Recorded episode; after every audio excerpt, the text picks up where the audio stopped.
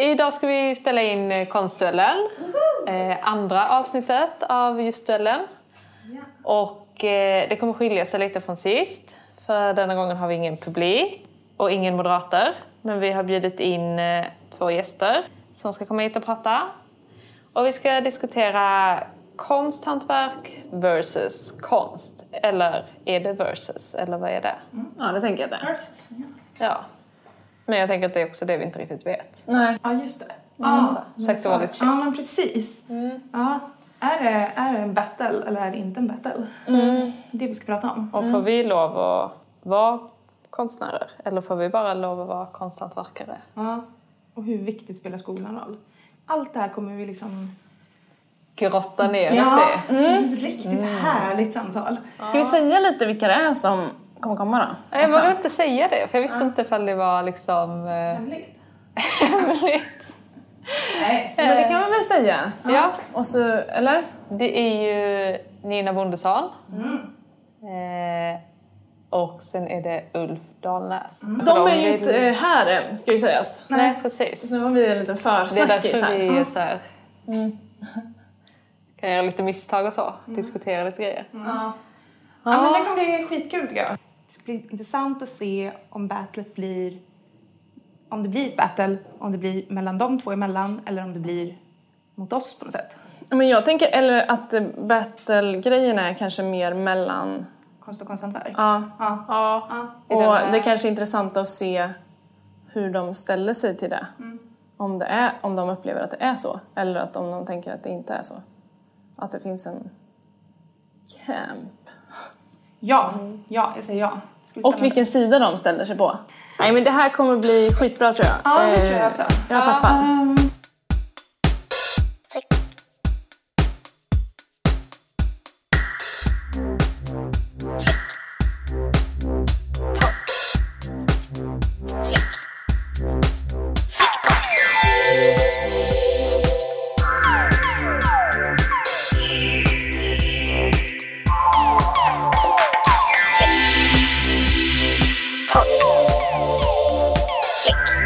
Nu är Nina Bondesson och eh, Ulf Dahlnäs här. kul. Mm. Och eh, Nina, du är konstnär. Ja. Mm. Och eh, du ställer ut nu på Galleri 1. Ja. Stämmer det? Mm. Göteborg. Eh, och du har också jobbat på HDK. Mm. Som Mellan professor. 2005 och 2008 var jag på HDK som professor i konst med textil inriktning. Mm. Bra. Och eh, Ulf, du är prefekt på HDK.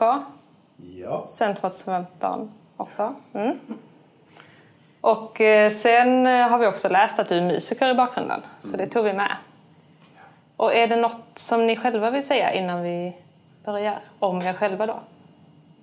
Alltså jag var musiker men framförallt jobbar jag på Musikhögskolan och jobbar med konst på universitet och högskolor. Det har jag gjort väldigt länge.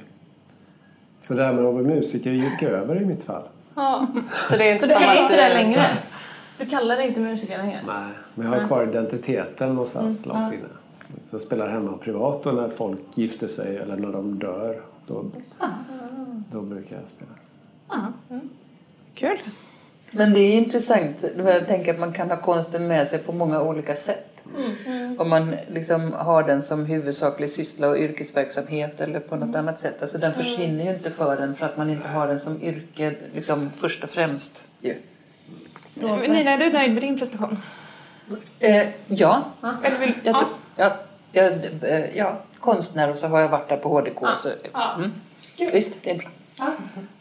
Yes. Eh, det vi ska prata om idag är konsthantverk versus konst. Vi, vi i Flick tänker att våran tid på HDK har gjort oss jävligt ambivalenta i vart vi befinner oss någonstans. Um, den här känslan av att vi vet inte riktigt vilket ben vi ska stå på om vi snackar konst och konsthantverk. Vart vi hör hemma. När vi är med på sådana här runda bordsamtal med BRG, då får vi sitta på konstbordet men vi är samtidigt hjärtligt välkomna att ställa ut på Lerverk som är ett väldigt tydligt konsthantverksgalleri. Runda bordsamtal med, vilket sa du? Mm, ja, men det är sån här vi sitter med på Businessregion Göteborg. Aha, så är vi okej. inbjudna till sånt. Jag förstår. Mm. Prata Just det. med kommunen. Mm. Just det. Och då finns det så här konsthantverksbordet, konstbordet. Och då sitter vi på konstbordet. Och design är ett annat ja, bord. design Och så är ett annat det bord. Det är så- tv-spel och... Konsthantverk, slöjd Ja, just det. Ja, just det. Ja, så är det ja. Så är det. Och det har inte vi valt själva utan vi har blivit placerade på konstbordet. Ja. Vid konstbordet. ja.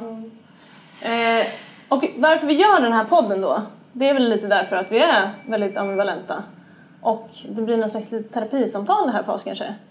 Eh, och eh, eh, då har vi bjudit in er för att vi vill höra lite era, era tankar kring det här. Och då första frågan är väl lite så här, eh, hur tänker ni kring de här olika begreppen, konst, konsthantverk? Och liksom, finns den här diskussionen i er vardag? För mig kan jag säga att den finns varje dag. Och eh, det är ju för att fokusera på någonting i våra ämnen på HDK till exempel. Där har vi ju konsthantverk och vi har design. Eh, och även på Steneby har vi design och konsthantverk. Och på Valand har vi fri konst. Eh, jag tycker vi inom högskolan kanske fokuserar för mycket på de här ämnesgränserna. För jag ser ju att många studenter från konsthantverk går ju ut och jobbar i många olika sammanhang som ni precis sa att ni är på konstbordet ena dagen och konsthantverkbordet andra dagen. Och sen är ni med på kanske offentliga upphandlingar ibland och precis som alla andra gör. Och det kanske skulle vara mer intressant att prata om vad, vad man gör som konsthantverkare eller konstnär eller ute i samhället på olika sätt. Tänker jag. Har du någon... Alltså, den uppdelningen eh, med konst och konsthantverk är som jag ser det liksom en eftersläpning. En, ganska, en uppdelning som inte längre är så relevant. Eh, som den möjligtvis har varit för att sortera. Vi- Alltså, vi behöver ju sortera och generalisera för att liksom hitta vägen liksom, i livet på olika sätt och vis. Men, men alltså, man hade kunnat säga konst versus konst. Alltså, det finns så mycket olika sätt att göra konst på. En del inbegriper hantverk, en del inbegriper eh, andra saker. Ja, alltså, allting som människor gör har ju något slags hantverk. Till och med om man sitter och tänker kan man säga att man kan säkert hitta något hantverksmetoder där också. Men, men att, att det ehm, ambivalensen är ju fullkomligt rimlig. Den, den är ju relevant i det här läget eftersom det, det, det hela tiden man råkar åka in i olika fack. Liksom, på. Att vi har behov av att sortera. Nu innehåller ju hela fältet. liksom, om man tar hela konst och musik och hela alltihop så är det på något sätt liksom hela detta spektrum som går från ett väldigt hantverkligt förhållningssätt oavsett vilken konstform man ägnar sig åt och över till kanske ett, ett mer konceptuellt sätt att använda sig av olika eh, konstområdens möjligheter.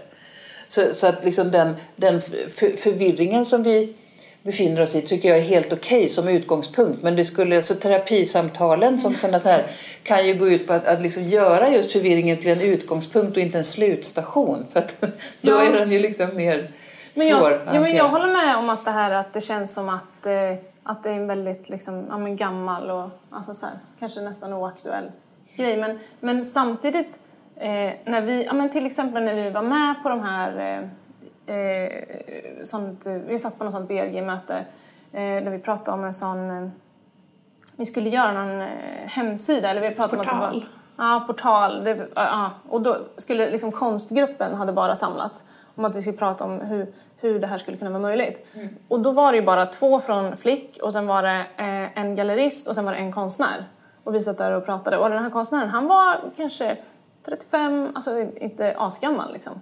Och eh, eh, han eh, var så här, men och så pratade vi om så här, vem, ska, vem får finnas på den här portalen då?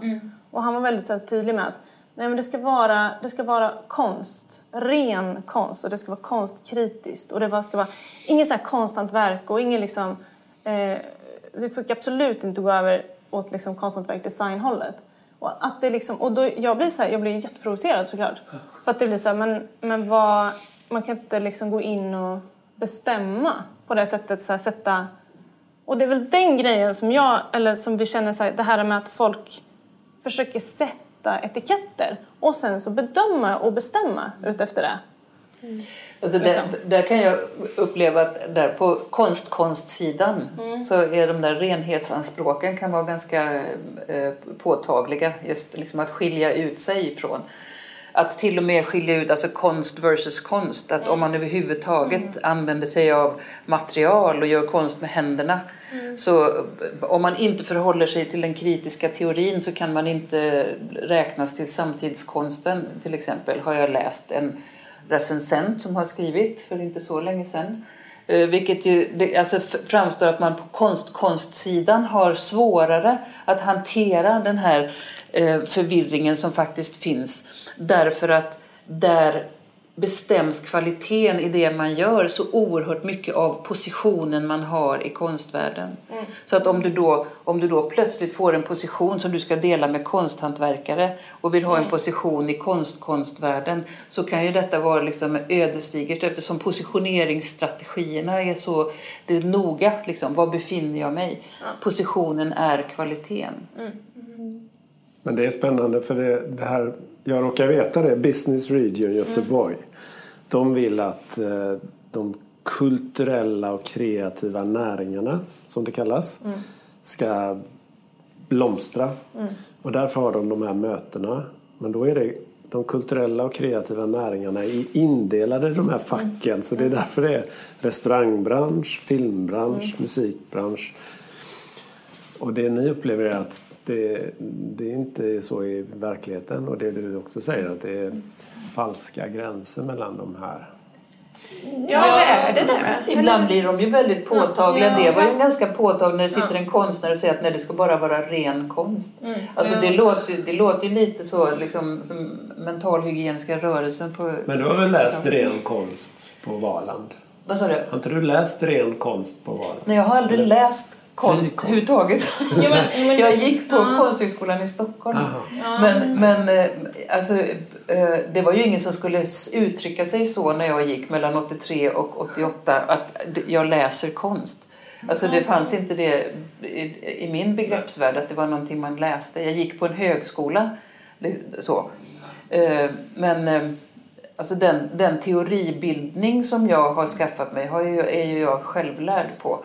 Det var ingen som bad mig att artikulera min konstnärliga erfarenhet verbalt när jag gick på min utbildning.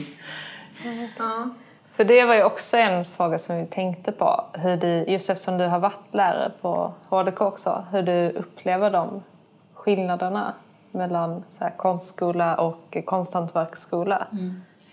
Det, alltså det som är på HDK var ju på det sättet väldigt likt det som jag gjorde eftersom jag är ju en materialbaserad konstnär. Jag liksom tillverkar och bearbetar artefakter och väljer det, den konsttraditionen ju om och om igen. Så, så att därför så har jag ju inte svårt att förstå mig på vad som händer på, inom konsthantverk där man, där man gör konst med händerna på olika sätt. Liksom, med olika inriktningar och olika intressen liksom, mm, i förhållande till gestaltningar och vad, vad det nu är man vill göra för någonting. Så, så, det, var inte så det är inte så stor skillnad. Det som jag upplever väldigt starkt är att, man, att, att högskolan har, alltså konsthögskolorna har eh, väldigt svårt att hantera det som jag var inne på tidigare med det här hela spektrat. Eh, att, att se liksom olika sätt att göra konst. Och jag ser studenter som far illa, som utsätts för intellektuella övergrepp, tycker jag.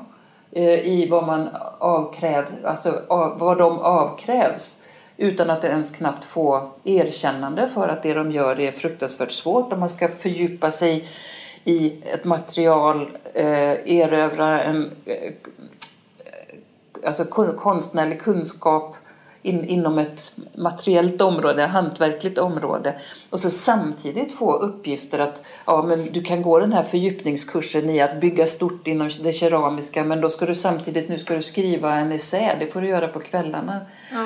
Och jag träffar ju studenter som upplever sig själva att de är otillräckliga, att, de, att, de att det skulle vara något fel på dem.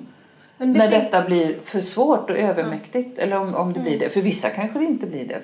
För andra blir det det. Och jag menar att, att liksom, i och med att vi har hela det här spektrat så måste vi ha en ambition att försöka liksom, förstå vad det är man egentligen kräver av de här studenterna.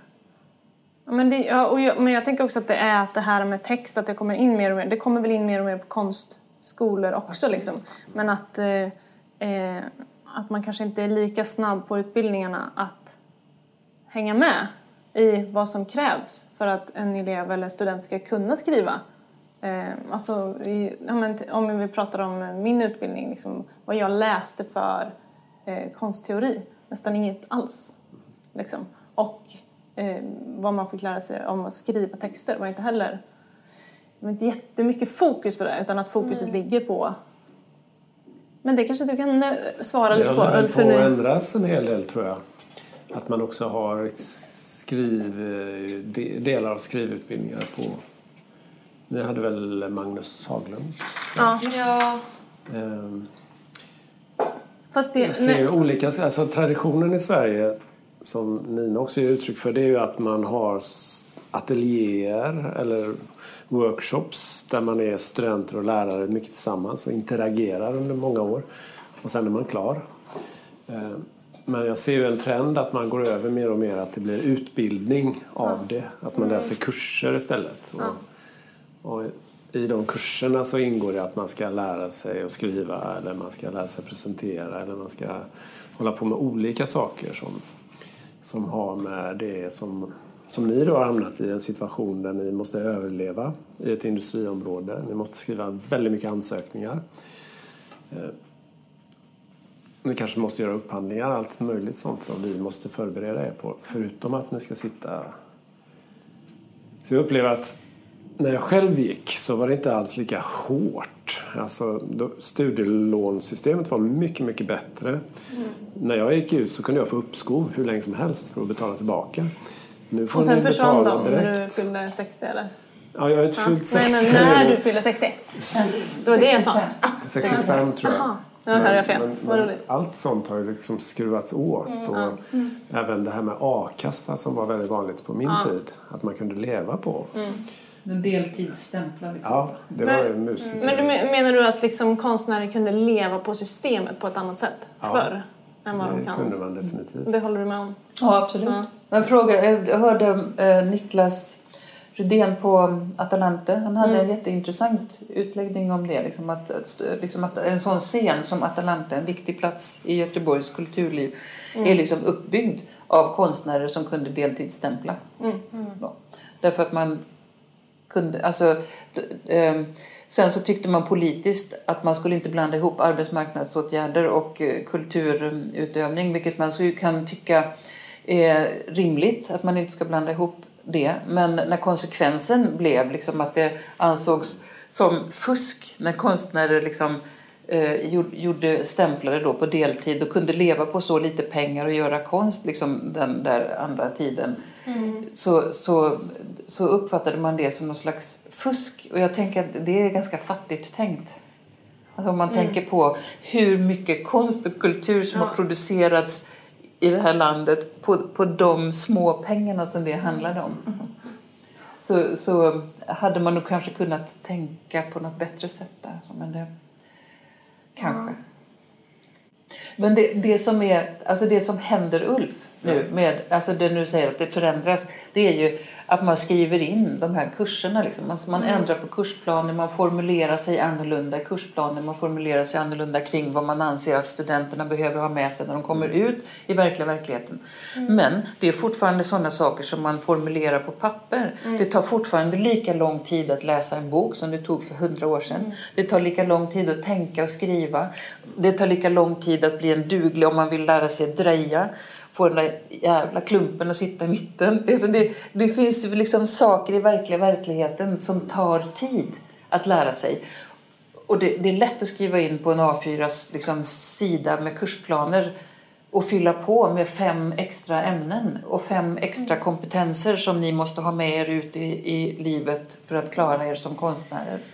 Ja, Så- ja, och då tänker jag också att Anna kanske får stryka med. Alltså jag tycker att det var viktigt att vi fick göra jättemycket och att det var fokus på det. Det var fokus på att göra och, och, och bli duktig på det och så. Det tycker jag var jättebra. Det, det, är ju- det, är, ju, det är helt fantastiskt.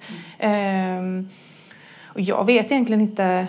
Ett, alltså det känns som, så är det ju med mycket liksom, att man får att sen komma ut får man lära sig det här. Dels självlära sig hur, hur saker och ting går till eh, och också fråga runt, fråga andra som, är, som har gått ut och som, som eh, så. Men görandet är fortfarande väldigt centralt. Ja. Vi har skrivit in det Ja. i vår vision att det är görandet. är Ja. Liksom. Det är jätteviktig kunskap det också liksom, som absolut inte får Men, ja. Är tack vare Nina. Hon pratar alltid om görandet när hon var professor. Alltså för, för vad, vad det handlar om, vad vi befinner oss i för situation är ju egentligen en kunskapssyn inom det konstnärliga området och inte bara inom konsten. Om man nu ska göra stora utvikningar i andra områden i samhället så finns det ju andra områden som också, alltså sjuksköterskeutbildningar, förskollärarutbildningar, många utbildningar som, som har eh, som kräver en, en stor förtrogenhet och en, en praktik. Du måste ha varit i den praktiken ett bra tag innan du börjar liksom begripa hur det, hur, hur det går till. Så att säga, sakerna.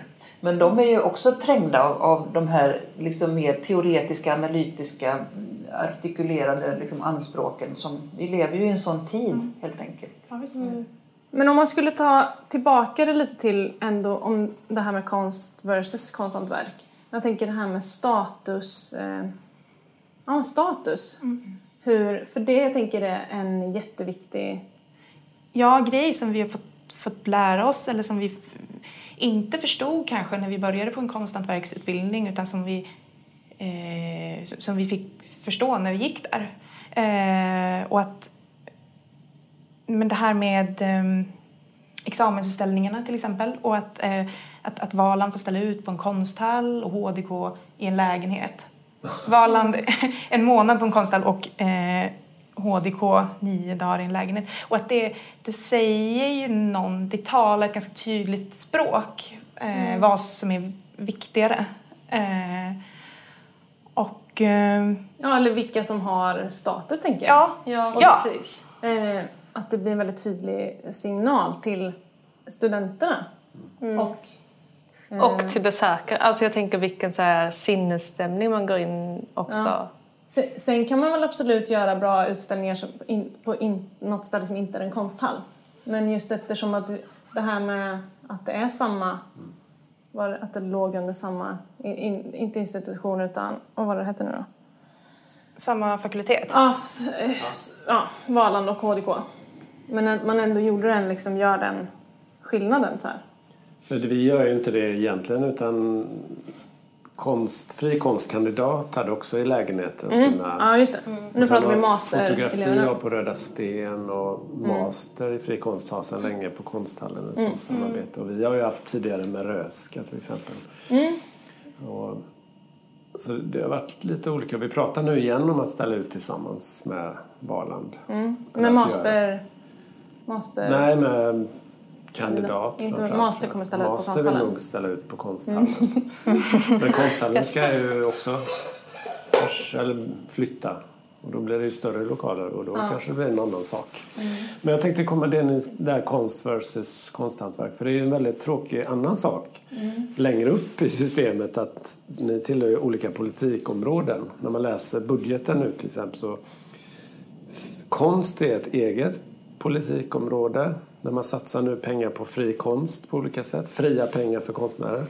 Medan konsthantverk är en del av formpolitiken. Alltså design och form, arkitektur. Det är ett politikområde där även konsthantverk finns. Som är mm, precis statligt bestämt Ja. hur, hur detta är uppdelat. Det, det är alltså kulturdepartementets Ja, uppdelning. Kulturdepartementet Ja. när man pratar om politiken och man pratar om Museum har en roll för konsthantverket. Och jag vet inte exakt hur det går till men där, de kan ju köpa in konsthantverk för, från utbildningarna. Medan konstvärlden är på ett annat sätt. Jag tänker ändå att det skulle vara intressant att höra lite så här vad ni båda två tänker om, om det är någon statsskillnad och så vad det kan göra för hur vi ser på oss själva. Just det här med att vi ställer ut på ett ställe som inte är liksom gjort för att ställa ut på. Alltså, om vi kan prata lite mer om det. Mm.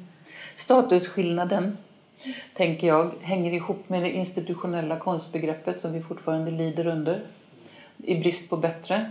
Och det är ju liksom ett konstbegrepp som växte fram med den konceptuella konsten liksom på 60-70-talet i USA. Där liksom, eftersom då med den konceptuella konsten så kunde ju vad som helst plötsligt vara konst eller bli mm. konst. Och, på, och hur ska man då skilja konst från annat? Så, så där, där, blev, där, där formulerades ju liksom den här eh, konstteorin av lite olika eh, personer. Men den som fick eh, ändå ganska stort inflytande var George Dickey som kom 1974 tror jag med eh, The Institutional Theory of Art. Och där han då beskriver att konst blir konst när agenter och institutioner med makt i konstvärlden säger att det är konst. Och så är det bra med det. Och då, då ser man ju liksom att där eh, uppstår ju liksom såklart en, eh, en positioneringssituation. Eh, det gäller ju då att vara i närheten av någon sån maktstruktur där de här personerna med makt eller de här institutionerna med makt liksom får syn på mig och kan godkänna mig och lyfta upp mig och det jag gör på den här godkända legitimerade konstscenen och tala om att det som den här människan gör det är konst. Eh, och och då, då, där blev det ju också alltså, en sån där den materialbaserade konsten, det blev liksom guilt by association på något sätt. Så fort du gjorde någonting med händerna så, så var det liksom gammel, gammel, det var gammalt och då, då var det inte liksom eh, den konceptuella konsten hade ju väldiga ambitioner, emancipatoriska ambitioner liksom, och fullständigt begripligt och nödvändigt i en liksom stelnad liksom modernistisk eh, konstsituation som blev mer och mer polisiär och sa så får man inte göra, så får man inte göra, så får man inte. Så, så, men, men den protesterna mot den förstelnade tillvaron i konsten den fanns ju också bland folk som gjorde konst med händerna. Men det, det eh, gick liksom inte riktigt att göra det gällande för det fanns inte heller den traditionen just att artikulera verbalt vad det var man gjorde. Utan man bara gjorde. Så att alltså, de, det motståndet, de som också från det hållet ville komma åt en större frihet i konsten kunde liksom inte riktigt alltså, eh, verbalisera det och tala om varför man skulle se det på det sättet. Utan alltså det, det var, alltihopa har ju liksom hamnat på den mer liksom verbala och textmässiga sidan av saken. Vilket gör det eh, svårt, vilket är en av anledningarna till att HDK har svårare att ta ut svängarna liksom, och ta sig friheter gentemot systemet än vad till exempel litterär gestaltning har. Mm. Därför att de är verbala personer, de har en status på grund av det som verbala personer. Så jag tror att det där med statusen, mm. det verkar som om man skulle kunna säga att det med statusen, du, kommer, du får mer status ju eh, mindre material och ju mer text som dina saker kräver. Ju mer text eh, konst genererar, det som skrivs om eller runt mm. omkring så, desto högre status mm. har det. Liksom. Så det är klart, man liksom eh, befinner sig i det där materialläget så är det väldigt lätt att, att det betraktas som orent mm. av vissa. Det är också en, I min position så tycker jag det är jätteviktigt att hela tiden försöka motarbeta statusskillnader för det, det, det är nästan som att det är något naturligt som alltid sker. Mm. Och då finns det mellan kulturvård, hemslöjd, mm. hantverk, konsthantverk, fri konst och det är en massa olika statusskillnader där. Men jag tror att konstvärlden alltid i alla fall som det ser ut nu så har de en status också för att alla människor är intresserade av att se vad händer på konstbiennalerna på i Venedig och de här stora för att det säger någonting om världen där vi befinner oss nu och de här stora frågorna som alla diskuterar. Eh, kommer ofta kritiska förhållningssätt på de här biennalerna. Det säger något om vår samtid idag. Och det är inte alltid när man går på konsthantverk där man ser samma, när man liksom får reflektioner över vad händer med världen idag. Ehm, det tror jag kan ge en statusskillnad. Men nu, men, nu, okay, men nu måste jag bara tänka så här, jag, så jag förstår dig rätt. Att du menar att, att när du går på konsthantverk, vad menar du då? Alla, när jag går på konsthantverksutställningar som säger att de är konsthantverksutställningar. I liksom gallerisituation liksom, eller Oftast är det ju det, eller eh, utställningar? utställningar. För jag Nej, tänker... men när går till Venedigbiennalen i år så tänker jag åh, HDK. Det är väldigt mycket materialbaserat Ja. konst. Ja, men och jag tänker om man går eh, runt på HDK, Mm. på konsthantverksutbildningarna, så är det väl väldigt mycket samtidskonst som görs där. Ja. Eh, fastän att de gör det under någon slags konsthantverkstak då, eftersom hela skolan heter konsthantverk. Fast i skolan så heter det ändå keramikkonst och textilkonst. Hur tänker ni på, alltså jobbar ni på skolan med den grejen? Jag tänker, ja men just det så här begrepps... Ja men begreppen konst och konsthantverk efter, alltså ge, mot det som skapas, det som får synas. Och liksom hur ni jobbar med begreppen liksom. Vad säger studenterna att de är? Och vad säger ni att de är?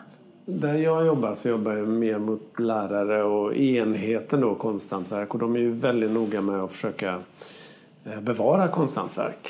Eh, Och att också höja statusen och jobba med eh, konsthantverk-ämnet. För vi har ju både ett forskarutbildningsämne som heter konsthantverk där vi har fler doktorander hela tiden som är med och utvecklar ämnet. Och så har vi en professor, eller flera, vi har fyra professorer. Sex professorer tror jag i konsthantverk till och med. Ehm, Och de jobbar ju med att utveckla konsthantverk-ämnet och också höja den statusen. Det jag hör dig säga då är att studenterna är mer i konstvärlden kanske, eller de gör Ja, men vad, jag, jag undrar vad du tycker. Jag när jag går på du- examensutställningar till exempel så, så kan jag se att det är väldigt, väldigt brett spektrum av dels till och med performance i textil. Mm. Där någon hade jobbat jätteinnovativt med material och gjort eh, experiment och sen också på utställningen badade i en stor tunna. Mm.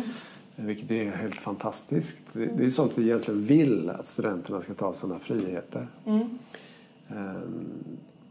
Så att jag, jag ser väl lite att det, det här som skolan vill bevara konsthantverk och sprida det och Mm.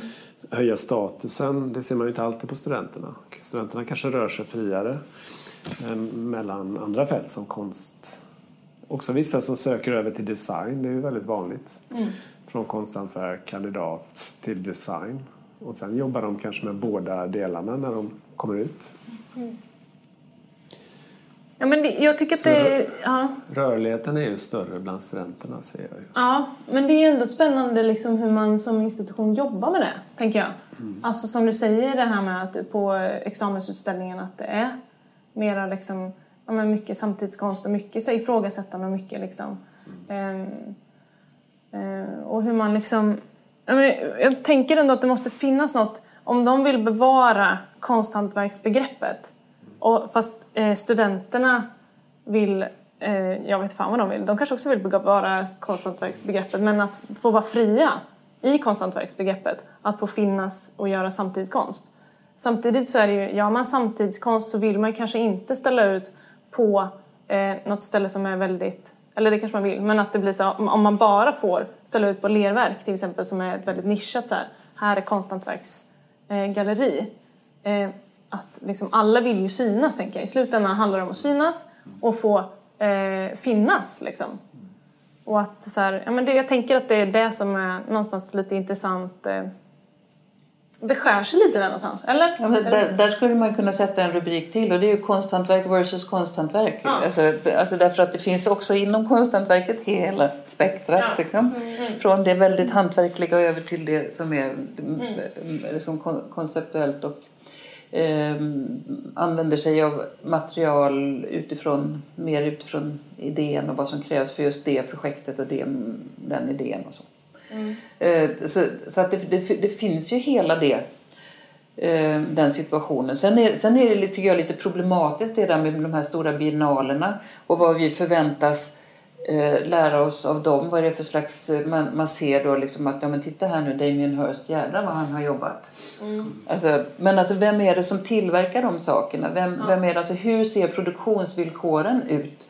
Hur ser produktionsvillkoren ut för den enskilda konstnären i Sverige? Inom, alltså konstnären inom vilket konstområde som helst. Var befinner vi oss i förhållande till liksom den här, alltså där, det som vi ser på Venedig biennaler och andra biennaler liksom, har tillgång till pengar som, som vi kan inte ens fantisera ihop de summorna som det kostar att iscensätta den sortens saker. Alltså jag kan inte tänka mig, alltså min verksamhet befinner sig så fruktansvärt långt borta från allt det där så att, att det liksom är um, det är, en, en, det är en annat planet, ett annat planetsystem. Liksom. Och det kan ju vara jättekul att göra en sån här rymdfärd säkert. Jag har aldrig varit i Venedig ännu i denna dag. Någonting som jag skämdes för jättelänge. Och så tänker jag att, men vad fan då? Liksom, jag har haft, liksom, jag har levt mitt lilla vanliga liv och gjort mina små vanliga saker. Det kan ju inte stå och falla med liksom, att, att eh, jo, man måste ha. Alla människor, till och med Damien F. Hirst, är ju liksom lokal någonstans liksom gör alla vanliga sakerna någonstans också. Men därför att det, det blir på något sätt, de där biennalerna gör att de, de lyfter upp konsten och bort konsten, ouppnåeliga förebilder. Och så ser vi liksom, alltså jag, jag, när jag identifierar min he- tillhörighet i konsten så gör jag så här. Därför att det här är liksom mellanskiktet där det här pågår. Det- Yrkesverksamma konstnärer varav många arbetar med undervisning och kurser och allting. Och man försörjer det som pågår här nere under som är då elever och studenter, eh, amatörer, liksom, eh, söndagsmålare, vad det, nu, vad det nu kan vara för någonting.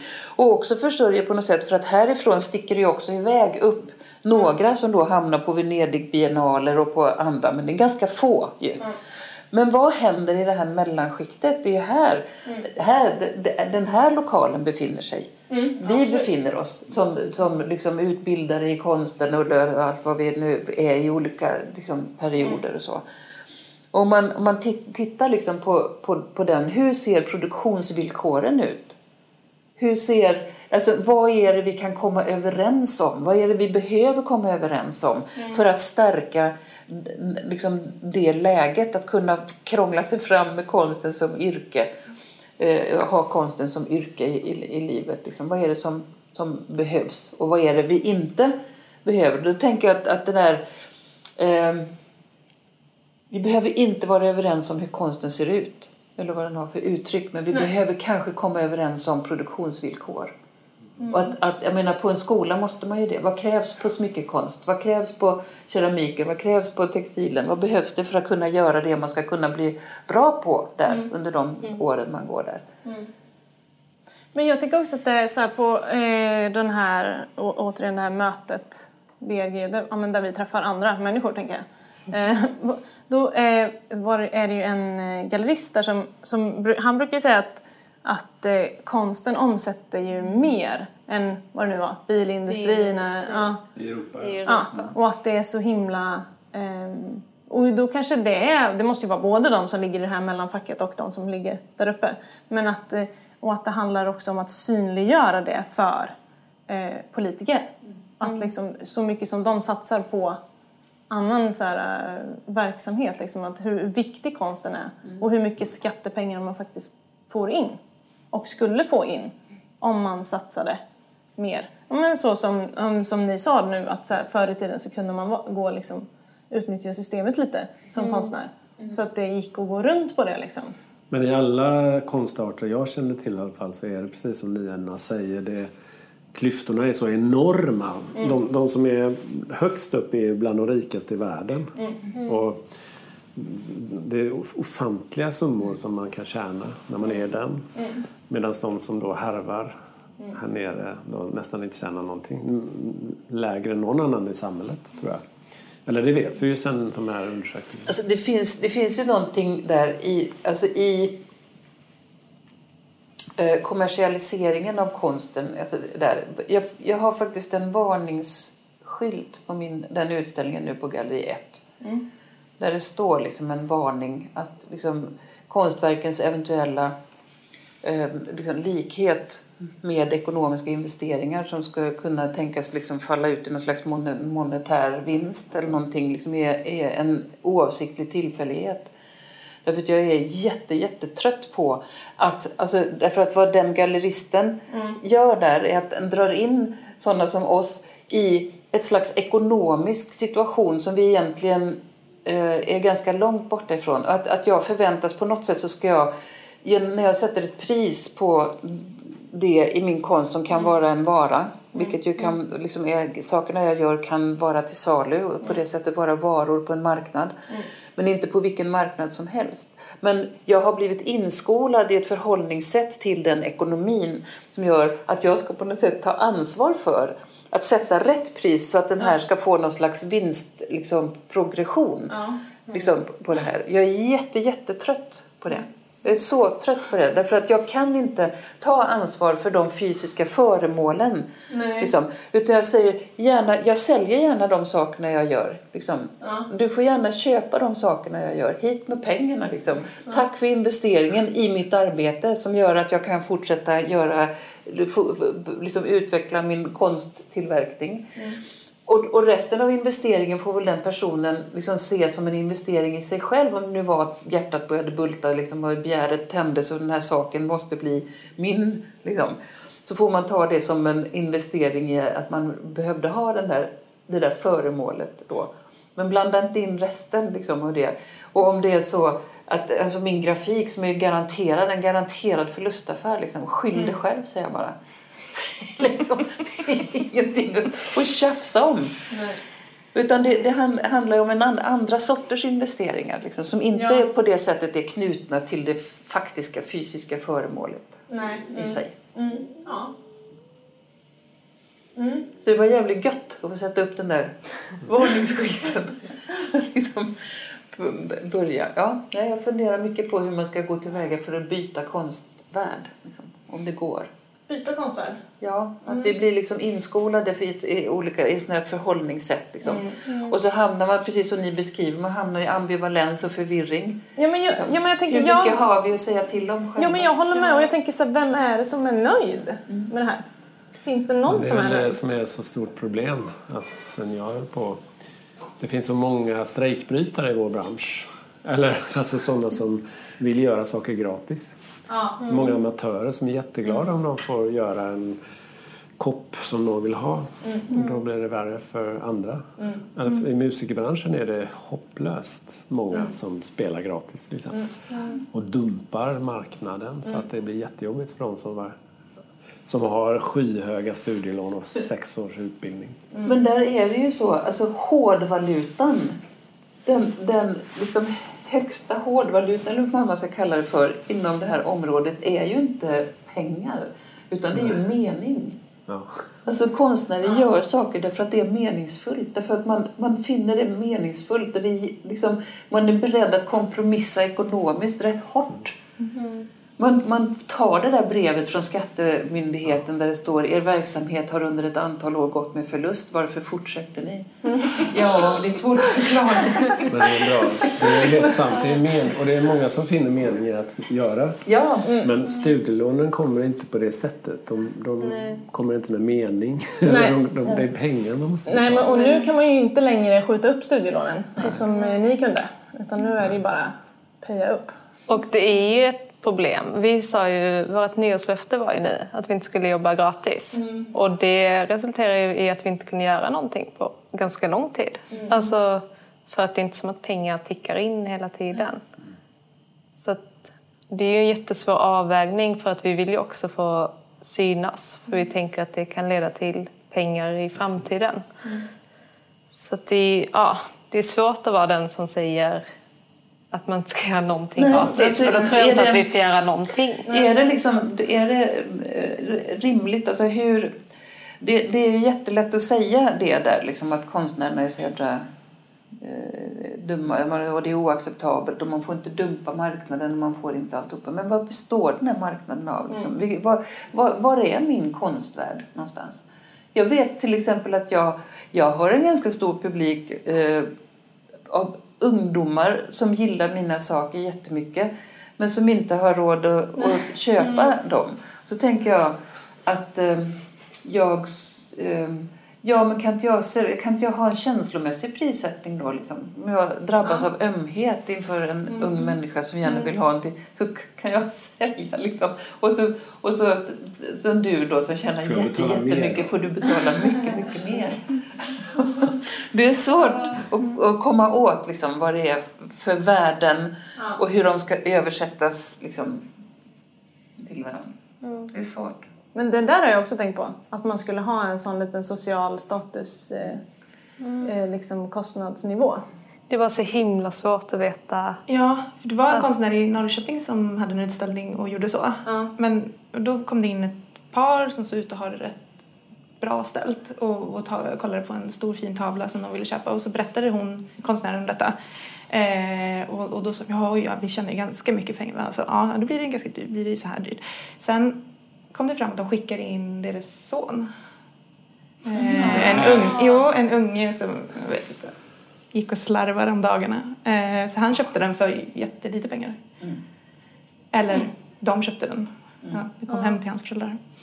Ett, ja, tänker att det är svårt också att göra den. Fast det är en sån, sån jävla god och bra idé och jag tänker Ja, visst, ofta på alltså, det. Den det är har, så, ju, den det är har så- ju lite så dummejöns över sig. Liksom. Mm, alltså, det är mm, klart att, att det är, för vi, vi, vi lever ju liksom inte riktigt i den bästa av världar så, på det sättet. Alltså, människor är inte snälla bara så. Men om man skulle ta tillbaka det till Ja. konst och konsthantverk. Eh, det här med status och pris då. Är det så att eh, man kan säga att eh, en konsthantverksskulptur får vara lika dyr som en konstskulptur? Vad tycker ni om den?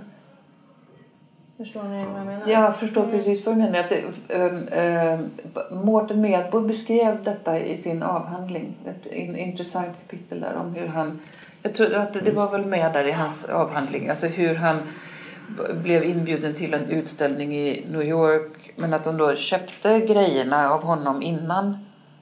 Billigt. Nej. Ja, så för helt okej pris som han tyckte var helt okej men sen så kostade de så mycket mer. Men alltså innan man lägger ut detta, för det, nu berättar, återberättar jag ju någonting som jag tror är i hans avhandling. Men alltså det är en, det är en intressant referens där för er, liksom, att kolla, kolla på hans... Jo, men han handlar ju i New York-sammanhang där. Där det var en helt annan nivå på alla priser. Eh, Så det är ju samma i konsthantverk. Branschen finns det ju olika... Liksom. Jag menar, Ai Weiwei var ju med på den utställningen. Jag vet inte ens om Ai Weiwei visste om det. Liksom att han var utställningen. Eller Mårten sa det. Och alltså det var, det var ju... ehm, så Mårten hamnade ju liksom på något sätt i en helt annan liga plötsligt. Liksom, och med, med villkor, ganska svårkontrollerade liksom, eh, villkor.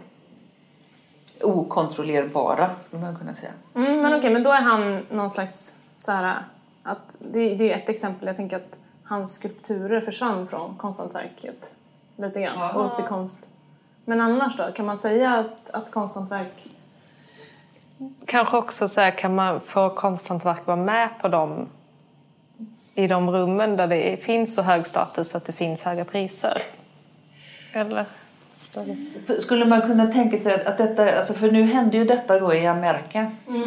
Eh, och att där finns det ju fler olika sorters konstmarknader, säkert också olika hybridformer av konstmarknader. Liksom att i Sverige så, så eh, är ju konstscenen eh, inklusive liksom konsthantverks, alla, alla, det är ganska lite, det är små sammanhang. Eh, Det, det, det gör väl också det, liksom, där, därför att det kommer såna där liksom, anspråk på någon slags renhet. Det här ska bara handla om ren konst och så. Därför att den där konstscenen är så liten som en jädra lastpall. Liksom. Man får inte plats så många där.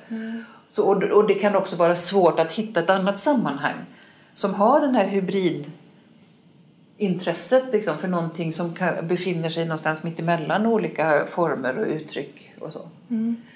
Man kan ju bli, jag, tycker, jag blir i alla fall väldigt glad när jag ser eh, eh, keramikskulpturer på, på ett galleri som är som ett konstgalleri. Så. Eh, och så tycker jag att det känns spännande och roligt. Eh, men då brukar jag också ta för vana att gå in och titta vad den konstnären är utbildad. Och då är det ju sällan på, på en eh, konsthantverksskola utan att den är utbildad i, i, eh, på, på fri konst. Eh, så jag tänker, det spelar ju uppenbarligen roll eh, vart en är, är utbildad och vad en har för, för CV. Eh, och, och jag tänker lite grann, är det bra att HDK skriver ut keramikkonst och textilkonst och eh, smyckeskonst? Är det, förvir- är det mer förvirrande? Eh, är det för att locka, locka studenter till någonting som de inte kan bli utbildade till? Eller hur, är, hur tänker man där? Att, att man kallar det eh, keramikkonst när man inte riktigt vet och när det är svårt att få, få visas och synas i... Ja, precis. En keramikkonst som sen Ja. efter skolan faktiskt inte finns kanske Nej. någonstans. Jag tror att det är rätt svårt, men det vet ju Nina bättre än jag, även i, om man har gått på fri konst, att försörja sig och sälja sin konst. Ja, visst. Ja, visst. och ibland kanske man till och med kan tycka att det är enklare om man har gått på konsthantverk. Att det är att sälja saker och överleva. Men det ni frågar är ju egentligen om HDK skulle antingen då säga mer rakt ut att det är keramikkonsthantverk och att vi utbildar konsthantverkare. Eh, Eller att vi säger att vi utbildar konstnärer här. Det här är konstnärer som använder material. Ja, men det, men- Materialbaserade ja. konstnärer. Pratar ni om det liksom? När jag, när jag jobbade på HDK så kom jag med min, min analys av vad som hade hänt då i konsten. Hela konsthistorien. Liksom att, att när, med den konceptuella konstens genombrott så tyckte jag att när jag tittade tillbaka där och försökte förstå vad fasken det var som hade hänt Ehm, så, så tycker inte jag att, att liksom den konceptuella konsten är som någon slags naturlig fortsättning på modernismen. Liksom. Eh, utan, att, utan att det var mera så som att konsten delade, det, om man nu ser en linjär konsthistoria så blev det plötsligt två huvudspår i den här linjära konsthistorien. Där, där jag upplevde mig själv höra till det här liksom gamla, oerhört gamla, hundratusen år gamla artefaktiska spåret och konceptkonsten liksom lösgjorde sig från föremålet. Man kan säga att med konceptkonstens genombrott så lossnade konsten från föremålet och ta- tar sig vidare med hjälp av verbalt språk som huvudsakligt material, som meningsskapande material. Att där är den skillnaden och den skillnaden finns liksom både inom konsthantverksområdet, alltså med det artefaktiska konsthantverket, renodlade, liksom där man tränger ner i det hantverkliga, och med det konceptuella konsthantverket. Och i konsten, med den artefaktiska konsten som jag tillhör hela tiden eh, och väljer att tillhöra och liksom över. Sen är det ju alla de här korsbefruktningarna emellan. Det är inte som att det är... Därför att då när jag, när jag presenterade min den där den, den analysen på, hör här nu vad jag har kommit på, de här två spåren, så tyckte jag själv att det hördes rätt så smart och jätteglasklart. Och så blev var det folk som blev upprörda och tyckte vad är det för dumheter, så där kan du inte säga, det där är bara liksom, tog sig för pannan och tyckte att det var väl liksom, här vad fan sysslar hon med? Eh, och då var jag tvungen att ge dem rätt. Det, det, jag, menar, jag kunde också titta mig runt omkring och se att nej, det är inte så det ser ut. Utan vad jag ser är ju alla de här hybriderna, liksom. Allt, alla de här korsbefruktningarna, alla möjliga intressanta förhållningssätt. Men jag tycker fortfarande att det finns en poäng att hålla fast vid att kunna identifiera det artefaktiska och det konceptuella därför att man kan få syn på villkoren för att konsten ska kunna komma till. Var någonstans, oavsett var någonstans på det här spektrat som man är verksam, vad behövs det för att man ska kunna göra det man vill göra? Liksom, hur ser produktionsvillkoren ut? Jag Men intresserar sån, mig mycket för det. Det, alltså just det, hur, vad behövs? Ja. Jag tänker att det är en sån, om vi kastar tillbaka frågan här på dig då, med att... Eh, men vad, det, just det som är så här, vad, vad säger skolan, vad säger studenterna, vad skickar man ut för det är väl en sån, vad behövs det? Alltså, men är det inte så att, att HDK, skulle inte HDK kunna ta större tuggor tolkningsföreträde när till exempel UHÄ knackar på dörren? Så, det? Alltså universitet och högskoleämbetet, är det så det heter? Ja, nu heter det UKÄ, Universitetskanslersämbetet. UKÄ heter det. Ja. Eh, Men absolut. Att man talar om, därför att de kom ju med en väldigt gammaldags kunskapssyn och mäter liksom graden av liksom teoridensitet, det som är i princip liksom, hur mycket teori finns det här? Och då fick ju, för för det, det är nog ganska många år sedan nu, men alltså vid någon sån, där, där jag fortfarande var lite så mera inblandad i skolan, så fick ju HDK dåligt betyg av dem. Därför att man tyckte inte att man levde upp till liksom, den här teoribildningen som krävdes. Sen hör det till saken att de, det, då hette det fortfarande UHÄ va? Gjorde det inte det? Mm. Högskoleverket Ja, kanske? det högskola. Ja, nej, men de, de, alltså, de fick jättedåligt betyg för sina usla mätmetoder i Europa så de fick inte ens vara med i den mätklubben som de ville vara med i. De åkte ut därifrån. Det tycker jag också var väldigt intressant i sammanhanget. Men, konten- ja, men kontentan av den utredningen var ändå att HDK la till mer text, eller hur? Ja, det handlar ju... Nej, Nej. det var mer att de inte riktigt förstod vad menar vi med design till exempel. Vad var, Mm. vad var det för designämne vi höll på med? Och även konsthantverk då. Vad var det för... Men visst, alltså, Teorier. precis så när du uttrycker det så Ulf. Alltså vad menar vi med, vad menar HDK med detta? Då, då ligger ju bollen hos HDK. Det gäller för HDK att argumentera Ja. för liksom, och tala om. Nej, det där liksom, man, man kan, så har man kunnat resonera om de här sakerna men det gör vi inte längre utan nu är det så här och så här. Och så här. Vad det handlar om är väl egentligen en kunskapsteoretisk också diskussion. Och att, att man tar ställning för, om man nu vill höja statusen, då måste man ju också vara kritisk inställd till en kunskapssyn som underordnar den eh, artefaktiska liksom, kunskapsbildningsvägen till exempel. Sen är, det ju, sen är det ju såklart, alltså detta är ju inte något som bara handlar om konsten utan det är ju hela samhället. Ja, men nu, får, nu i det här poddavsnittet tänker jag att vi liksom... Vi tar inte hela samhället. I nästa poddavsnitt då tar vi resten av samhället. Men jag är ju så här extremt och intresserad brett. Så jag, jag blir ju ledsen när jag ser att, det, att vi inom universiteten bygger upp eh, murar mellan ämnen. Jag skulle hemskt gärna vilja att vi tittade på både arkitektur, mode, konsthantverk, kulturvård, och fri konst, film, alla de här och såg vad är det vi kan lära av varandra. Och vi, vi har forskningsprojekt som handlar om text och arkitektur. Eh, textil ska jag säga, inte text. Textil. För där, är det, där kan man verkligen se hur man kan använda textila material för att göra bättre hus. Och även material som trä som vi jobbar mycket med. Kan man, det, det finns sådana möjligheter när man tittar på det. Och, men samtidigt då ser vi ju det som ni själva har gett uttryck för. Ni måste ju lära er alla lerspråket. Det som Mårten pratar om i sin avan. Det är ju jätterikt språk i sig själv. Som det tar extremt mycket tid att lära sig.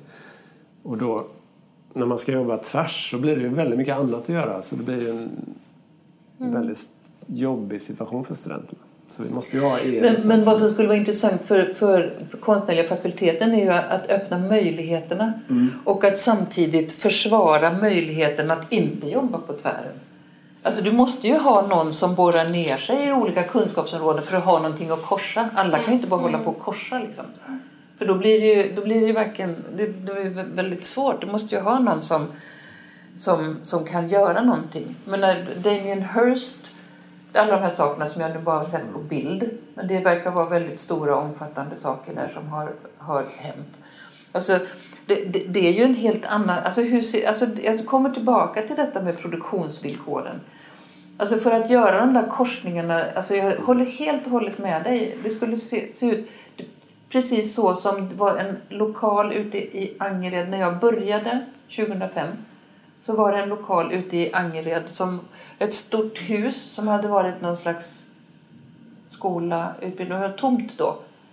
Och jag var ju så, liksom så här, ny på universitetet och entusiastisk. Jag tänkte, men fan, vi flyttar hit vi flyttar hit hela konstnärliga fakulteten. Det fanns ju så små rum som hade utgångar direkt ut.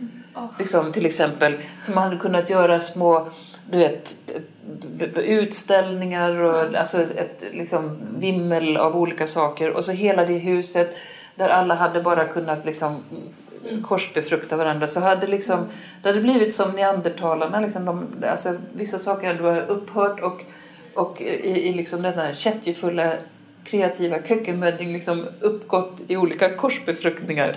Alltså det hade ju kunnat vara hur kul som helst. Det visade sig vara inte så lätt. att liksom bara så här, vara entusiastisk och tycka att kan vi inte bara flytta hit på prov liksom, och se vad som händer. Bara testa lite grann. Och så, såklart, det, det gick ju inte så bra. Men alltså, det, jag tycker att precis det, den förra omorganisationen som, som var, förstår, förstår jag inte heller, liksom, att jag såg det som en slags omväg. Varför Eh, där man då valde att sätta ihop Valand, Akademi Valand skulle då vara litterär gestaltning och film och foto och fri konst och så. Och så HDK skulle vara liksom långt borta därifrån. Ja, det, det, var, det, jag uppfattade det också som en sån lite beröringsskräck med mm. materialiteter som, som inte hade så hög status. Mm. Att det var det vad man var rädd för helt enkelt. Ja, men alltså, jag kan ju tycka nu, alltså, jag tycker att man fick höra på HDK av lärare hur valen inte ville ha med oss att göra. Mm. Eh, alltså... Men det har ändrats mycket. Nu, I vår vision nu så är det ju att hela konstnärliga fakulteten, vi ska ha rörlighet mellan ämnen så studenterna ska kunna gå emellan. Och Valand är jätteöppna för samarbete nu. Det var 2011 var det någon, jag vet inte om du var med i diskussionen då, men det var väldigt hårt samtal. Mm. Med den omorganisationen ja. som var då? Mm. Det var det. det var, vi hade ett sånt öppet samtal, där frågade jag i det samtalet en av lärarna på, på Valand. Eh, eh, men är det så då om man går på Valand, kan man liksom cykla till skolan och så tar man med sig en kopp kaffe och så sätter man sig och så börjar man måla akvareller utan att tänka på Adorno som just då var på tapeten i alla fall. Och då så skrattade han jättemycket och sa självklart inte. och då visste inte jag om han skojade med mig, liksom, eller jag fick inte riktigt klart för mig, men när jag pratade med de eleverna då så, så, så sa de att jo, men vi får göra vad vi vill. Ja. Men om vi inte förhåller oss till den, den teoribildningen som de blir introducerade mm. till och liksom visar att man förhåller sig till samtidskonstens mm. teoribildning så, så var det inte så lätt att få vara med. Mm. Det pratade vi också lite om igår. Att, eh, vi kände också alltid att man får göra precis vad man vill på HDK. Mm. Men samtidigt så påverkas man ju av om man gör någonting och eh, man möts av så här tystnad för att det inte de, alltså ingen annan vet så här, vad ska jag säga om det här. Då, är det, då tänker jag att det är mycket svårare att fortsätta göra den grejen än om man gör något och får jättemycket cred eller det blir ett jättebra samtal. Alltså även om man inte säger rakt ut det här får du inte göra så blir det ju ändå en stor skillnad.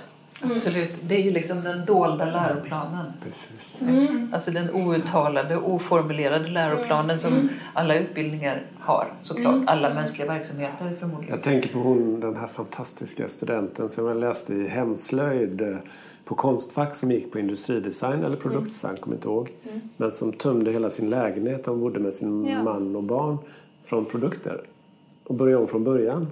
Och gjorde en liten sked tror jag. Hon skulle mm. försöka leva på så lite produkter som möjligt och gjorde allting för hand. Mm. Det roliga med den var egentligen hur skolan hade så svårt att hantera det. Mm. Hur skulle hon bli godkänd i produktdesign när hon jobbar tvärtom? På något sätt? Hon blev väl inte godkänd? Nej, det var Eller strul. När, när, var, när var det? här var länge sedan. Inte jättelänge sedan. Ja, högst. För jag såg den. Det är en jättefin artikel i Hemslöjd någonstans, mm. någon gång för några år sedan. Mm.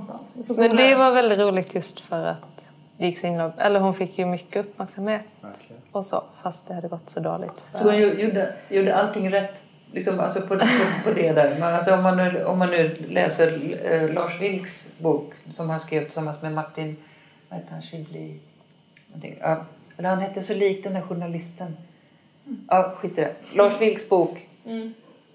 Hur man blir samtidskonstnär på tre dagar. Alltså den måste ju gälla lika mycket för, för alltså då inom vilket konstområde som helst. Konsthantverk eller musik eller någonting. Och där, där är ju liksom det mediala tumultet är ju liksom en, en given ingrediens i det. Jag, eller, Nej, säg ska jag, säga. Nej, jag tänkte bara på när vi pratade om eh, samarbete mellan skolorna och också det här huset du pratade om. Att jag tycker att den största skillnaden under min tid var ju när vi fick eh, Avenue och ett gemensamt galleri. För då började det ju öppna upp sig. Och jag tror att det var jätteviktigt och också jätteroligt att ha det. Ehm, och jag vet inte om det finns något nu eller hur Nej, det... nu har studentkåren fått använda glashuset för att försöka få igång någon verksamhet där som är på något samma sätt. Men eh, det, det, var Glashuset ju, är det som är inne på Valans gård.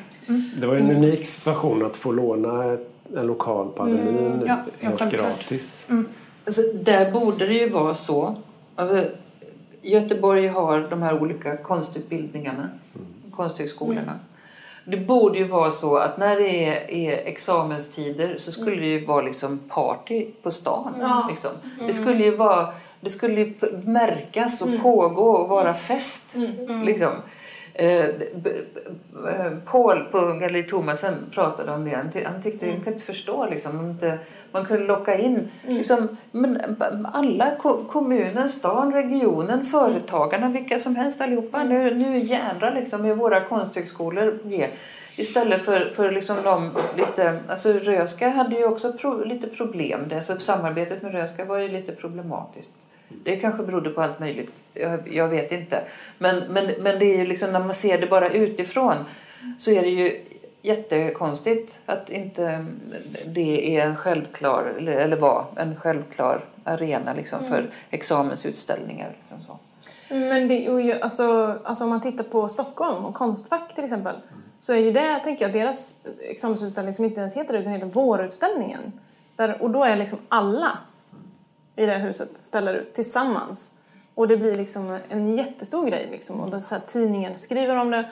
Och, Det, det är ju så när man jämför Konstfack eh, med HDK och man jämför Mejan med Valand så, så är det liksom också lite som att man blir inspirerad av Venedigbiennalen.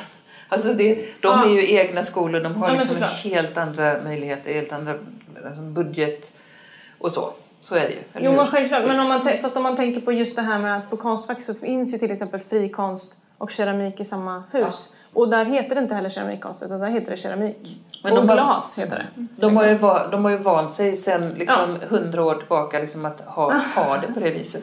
Så om hundra år, då har HDK, när de är där vid Näckrosdammen, under samma hus. Ja, då tror jag det blir skillnad. Då tror jag, för vi har redan börjat prata. Det, jag tänker alltså så här, både design, konsthantverk, fri konst, foto. I alla fall. Alla, det är nästan samma målgrupp. Det, de som går på de utställningarna går på alla, men de hinner inte gå på alla. Och så får de fem olika utskick. Under hela våren är det hela tiden olika utskick.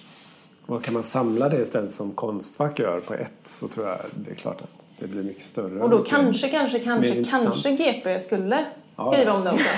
Om man Ja men precis, men om man får fem, ja, precis, fem utskick och då är det, eh, om man bara ska gå tillbaka till det med status igen och lägenhet och versus konsthall, så går man ju hellre till en konsthall än till en eh, lägenhet. Ja, eller jag tänker att det är väl det här att man får spontanbesökare som går till konsthallen. För eh, storkära tittarnas skull så förbi. Ni säger lägenhet, men det Mm. var ändå en sekelskiftsvåning Ja. i Vasastan. Ja det var det, jajamän. Ja, det var en jättefin Den lägenhet. var faktiskt jättefin. Men det var Men det är synd att den var så skillnad. Med kakelugnar. Ja, ja, ja, visst. Ja, fast min, vill man ha en kakelugn i sin utställning? Nej, det det är vill inte alltid säkert. Den var också fuktskadad. så- Nej men det är väl, alltså konsthögskolorna har väl inte kunnat liksom hänga med i samma takt som den, den här exponeringsnödvändigheten har vuxit. Att, att synas och exponeras och liksom att ens grejer ska eh, vara med liksom, i, i, på olika ställen och på olika sätt. Och så. Så, så, och, så, och, så, och så är det liksom de här kontraproduktiva ägarförhållanden och vad som ska kosta pengar att hyra och så, liksom där stan äger. Så, alltså jag var på Schillerska gymnasiet i, idag och hade föreläsning och de får ju inte använda sin aula när de vill. De måste ju liksom hyra sin egen aula från det kommunala bolaget som har hand om skollokalerna. Vilket ju liksom, det låter ju som det är täljetokar liksom, som håller på att organisera saker och ting. verkar ju inte riktigt klokt eh, med, med det. Alltså jag blev så paff, jag tänkte att är inte möjligt. Men alltså, då lever ju vi i en sån här liksom, företagsanda ska det vara över allting. Liksom alla kommunala bolag de har sin egen budget och sin egen enhetsresultat och liksom alla de här sakerna ska gå och anpassas. Vilket gör att det blir svårt att få tag på, på utrymmen Ja, självklart. Ja. Ja. där. Vad ska vi göra åt det? Kan vi inte hitta på något? Nej, men det är, ju- vi lever i en kommersiell... Så här, efter den här podden kommer ju er hyra höjas väldigt mycket. Så då kommer alla hit. Alla vill vara här. Ja. De ska ju riva De ska ju riva, här huset. Ja, Ska ska ska bli bostäder hela. Vad tråkigt. Ni kanske får låna en lägenhet? Ja! Eh, ja, det, men de sa att vi skulle kunna få ha en, en lokal. Men inte Ett riktigt showroom. med samma, ja, ett showroom. Men inte riktigt med samma hyra. Då. Så att det får vi se om det... Ja. Men, men, men jag vill också bara fråga lite det här. Nu sa ju du att, eh, eh, att eh, nu ska jag säga, HDK Valand planerade. Får du säga det? Vad det är Ja, planerat för... 2020 så ska... Nej, nej, men jag tänkte på examensutställningen. Får du säga det? Ja, nu vad- jobbar vi tillsammans Ja. för att samordna dem på ett Ja. annat sätt. Vi har också tittat på att ha lokaler tillsammans. Och det har vi gjort med design och konsthantverk och Stenby tidigare också. Men, Förutom Men för- mastereleverna. Ja, för master på fri konst så det är ju en jätteförmån att få ställa ut på en konsthall. För det har de sen i sitt CV. Och Därför vill vi också samarbeta med Röska så att våra studenter får ställa ut på Röska. Det kan de också använda sen. Det är, det är också en sån sak. Ni har på ert CV att ha ställt ut i en lägenhet. Det s- smäller inte lika högt faktiskt. Nej. Så att sådana samarbeten måste vi ju fortsätta med och verkligen Så att etablera. om då kunde upprätta ett samarbete med Moderna Museet i Stockholm att, att uh, vårutställningen, masterutställningen ska Ja, vara där. Då hade man ju liksom kommit åt en position där och liksom kunnat ha då en sån positioneringsstrategi. Um, går, alltså, men då är ju frågan, alltså, går det inte att göra någonting då om man inte, liksom, alltså, hur hanterar vi den här situationen att det inte är så jävla lätt att komma åt de där positioneringsstrategierna som liksom fixar Nej. till det hela. Liksom. Nej, hur fan gör man? Ja, hur fan gör man?